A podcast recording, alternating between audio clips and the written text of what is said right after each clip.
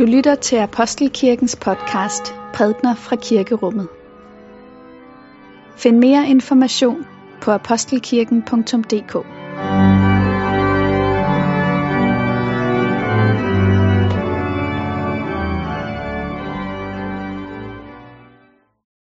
God morgen alle sammen, og velmødt til gudstjeneste her i Apostelkirken på sådan en rigtig sensommer søndag.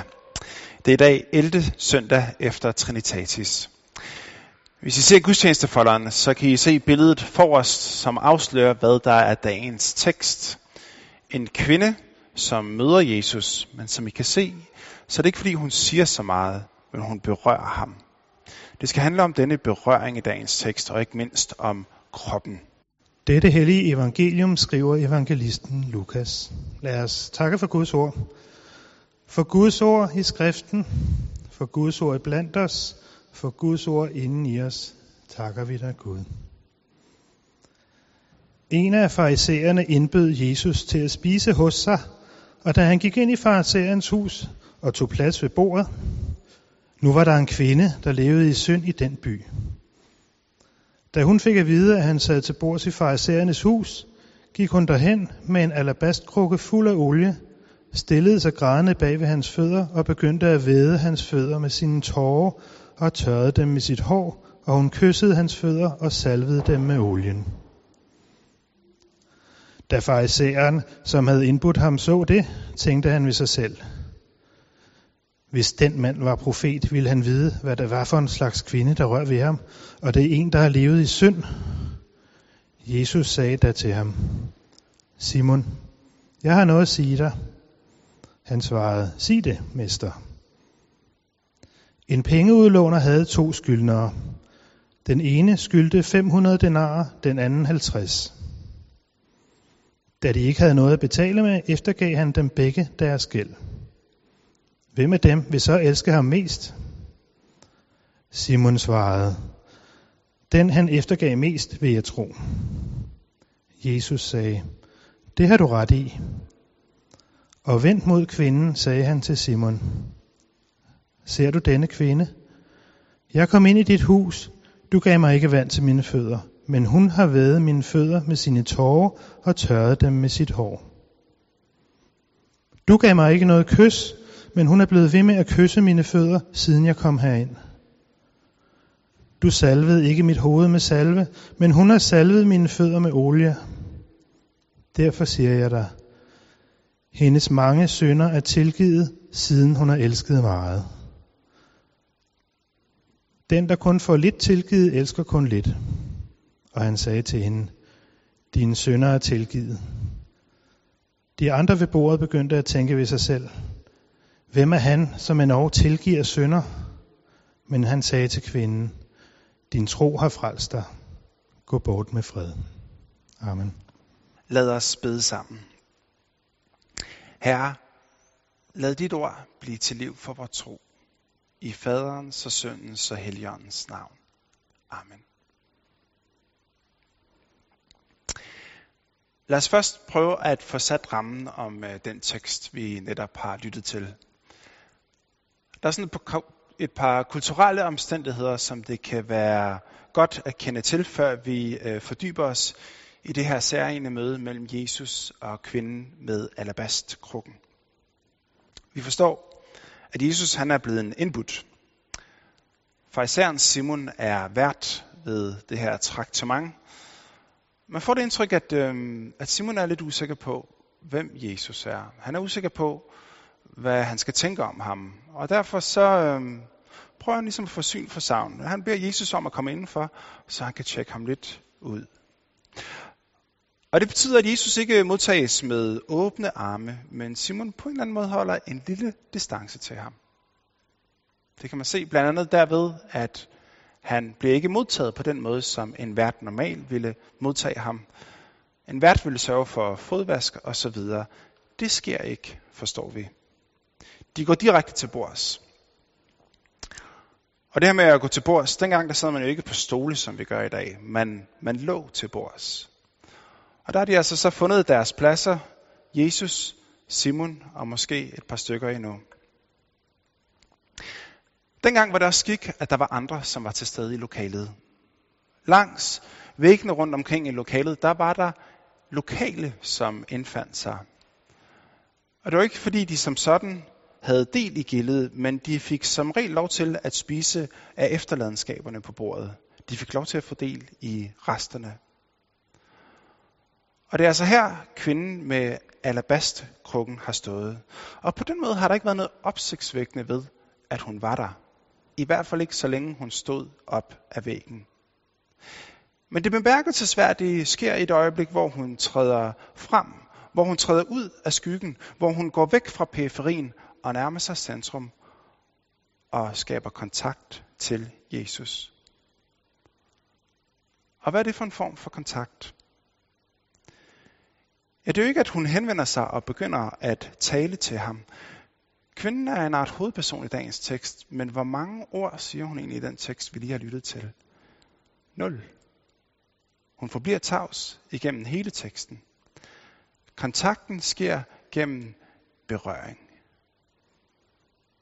Jeg læser, hun stillede sig grædende bag ved ham, ved hans fødder, og begyndte at vede hans fødder og sine tårer, øh, og, og ved hans fødder med sine tårer, og tørrede dem med sit hår, og hun kyssede hans fødder og salvede dem med olien. Der er noget ved det, hun gør her, som er helt enestående. Specielt når man tænker på, hvad der egentlig var hendes baggrund. En kvinde, som levede i synd i den by, står der i teksten. Det er en pæn omskrivning for at sige, at hun var prostitueret. Det var den lokale glædespige, som var mødt op her. Hun var et kendt ansigt i byen. Nogen kendte hende sikkert særdeles godt, uden at de ville være ved det. Alle har i hvert fald som minimum kendt til hende og kendt til det, hun lavede. Rygterne gik. Hun var ikke bare et offentligt ansigt, men hun var også øh, en offentlig anstødsten, når det galt moralen. En ting var ligesom, hvad folk gik og, og gjorde derhjemme i privaten, som ingen kunne se. Men ude på gaden, der gik rygterne om hende, og der kunne man vise foragt over for hende. Hun har givetvis oplevet, at hun har haft kunder, som i sengen har set på hende med begær. Men når hun har mødt dem ude på gaden bagefter, så har det vist hende foragt. Det var sådan, det var for hende. Det var sådan, folk så hende. Det var sådan, Simon så hende i dagens tekst. Så altså, i forhold til de indbyggere, der var i byen, i forhold til Moseloven, og sikkert måske også i forhold til kvindens egne standarder, så var det forkastet, det hun gav sig af med. Hun solgte sin krop for penge, og dermed der solgte hun ud af sin selvrespekt og sin integritet. Det, som vi øh, særligt skal mærke os i dagens tekst, det er, at det er netop i berøringen, at denne kvinde, hun drager omsorg for Jesus. Når man tænker over det, så er det en ganske dristig ting at gøre for en prostitueret. Altså, hun har knælet ned, betjent ham hud mod hud. Hun har vasket hans fødder med sine tårer. Kropsvæsker var en del af hendes måde at drage omsorg for ham på. Hun tørrer hans fødder med sit hår. Prøv at bemærke det her. Dengang, der var det at have et udslået hår i det offentlige for en kvinde, det var skandaløst. Hvis en gift kvinde blev set ude i byen med udslået hår, der ville alene det være nok grund til, at manden kunne syge skilsmisse. Sådan var det. Udslået håret signalerede erotik. Det signalerede, at hun var klar til en affære. Så alle de her forhold ved den måde, som kvinden hun agerer på i dagens tekst over for Jesus, har været dybt upassende. Og så, øh, når Simon han står der og ligesom forarves over situationen, så bemærker han jo netop den her fysiske kontakt. Han siger det ikke, men Jesus ved, han tænker det.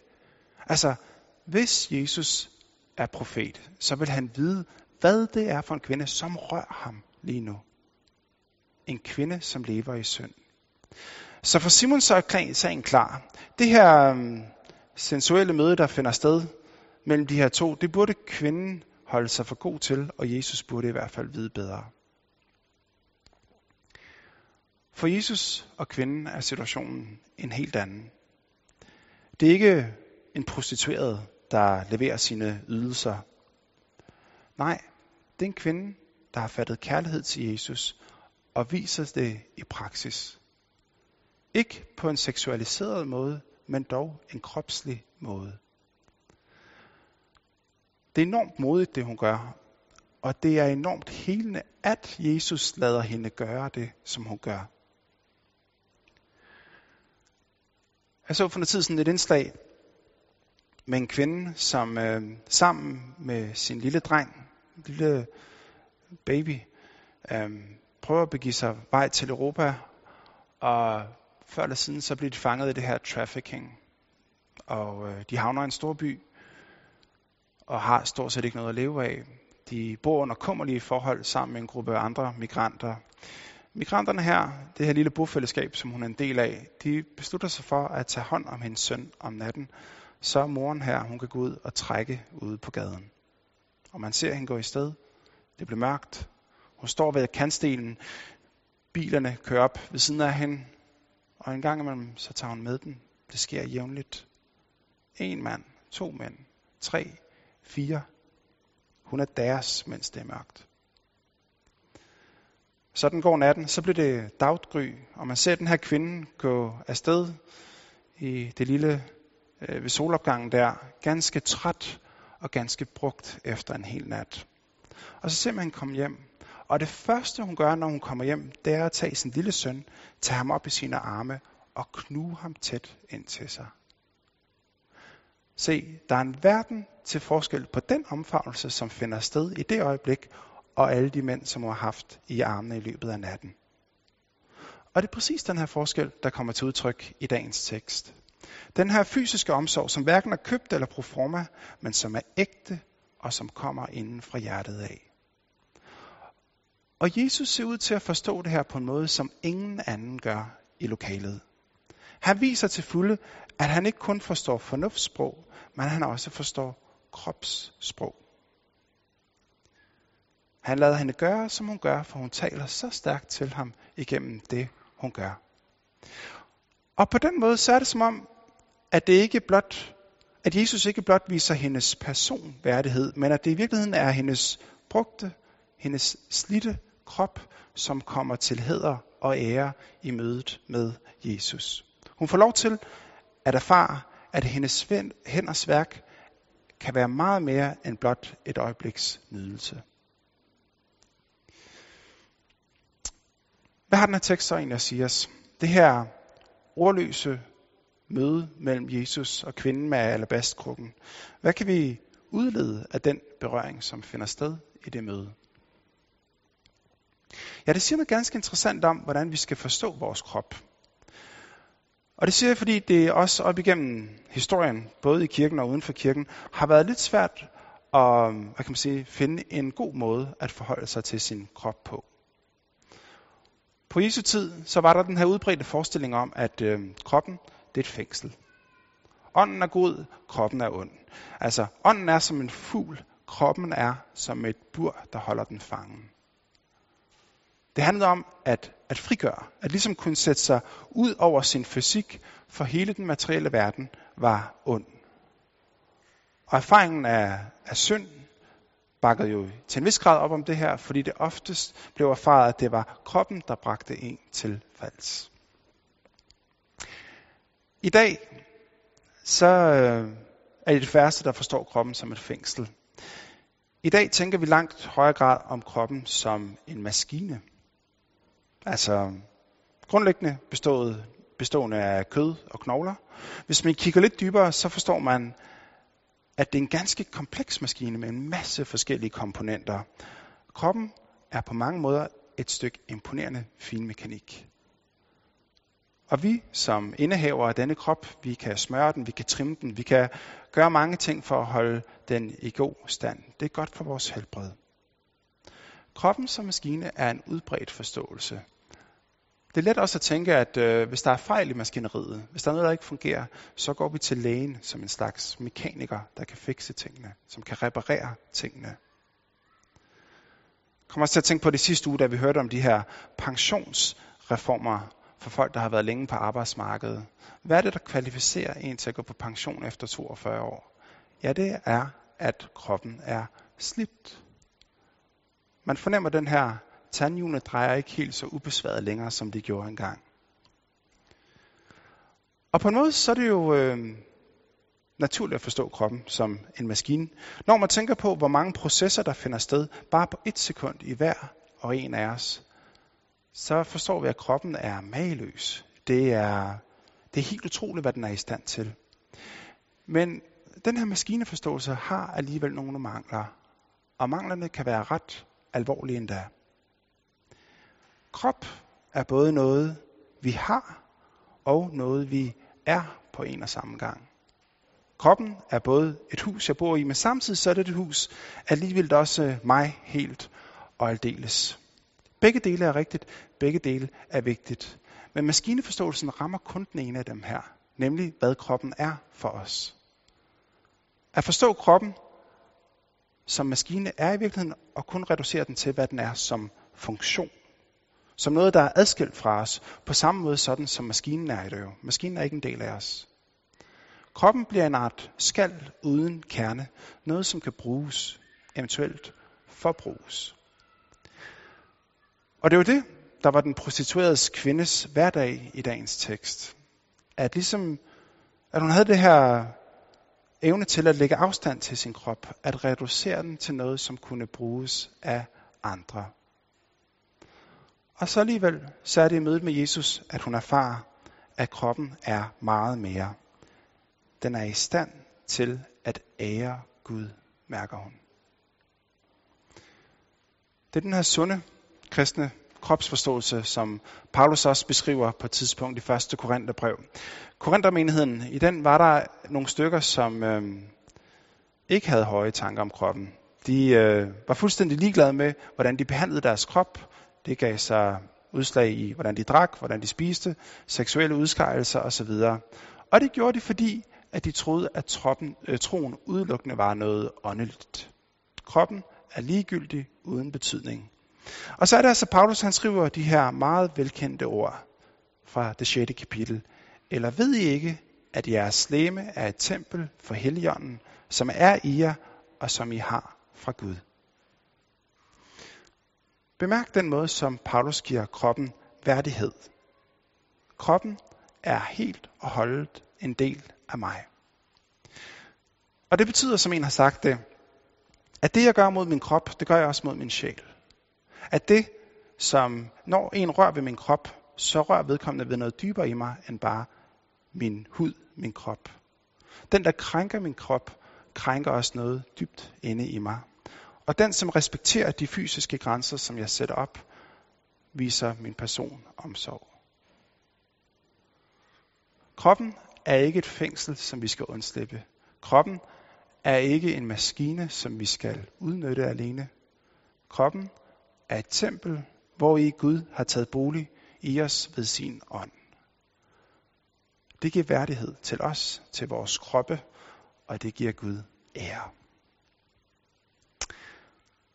Lov og tak og evig ære være dig, hvor Gud, Far, Søn og Helligånd, du som var, er og bliver en sand treenig Gud, højlået fra første begyndelse, nu og i al evighed. Amen.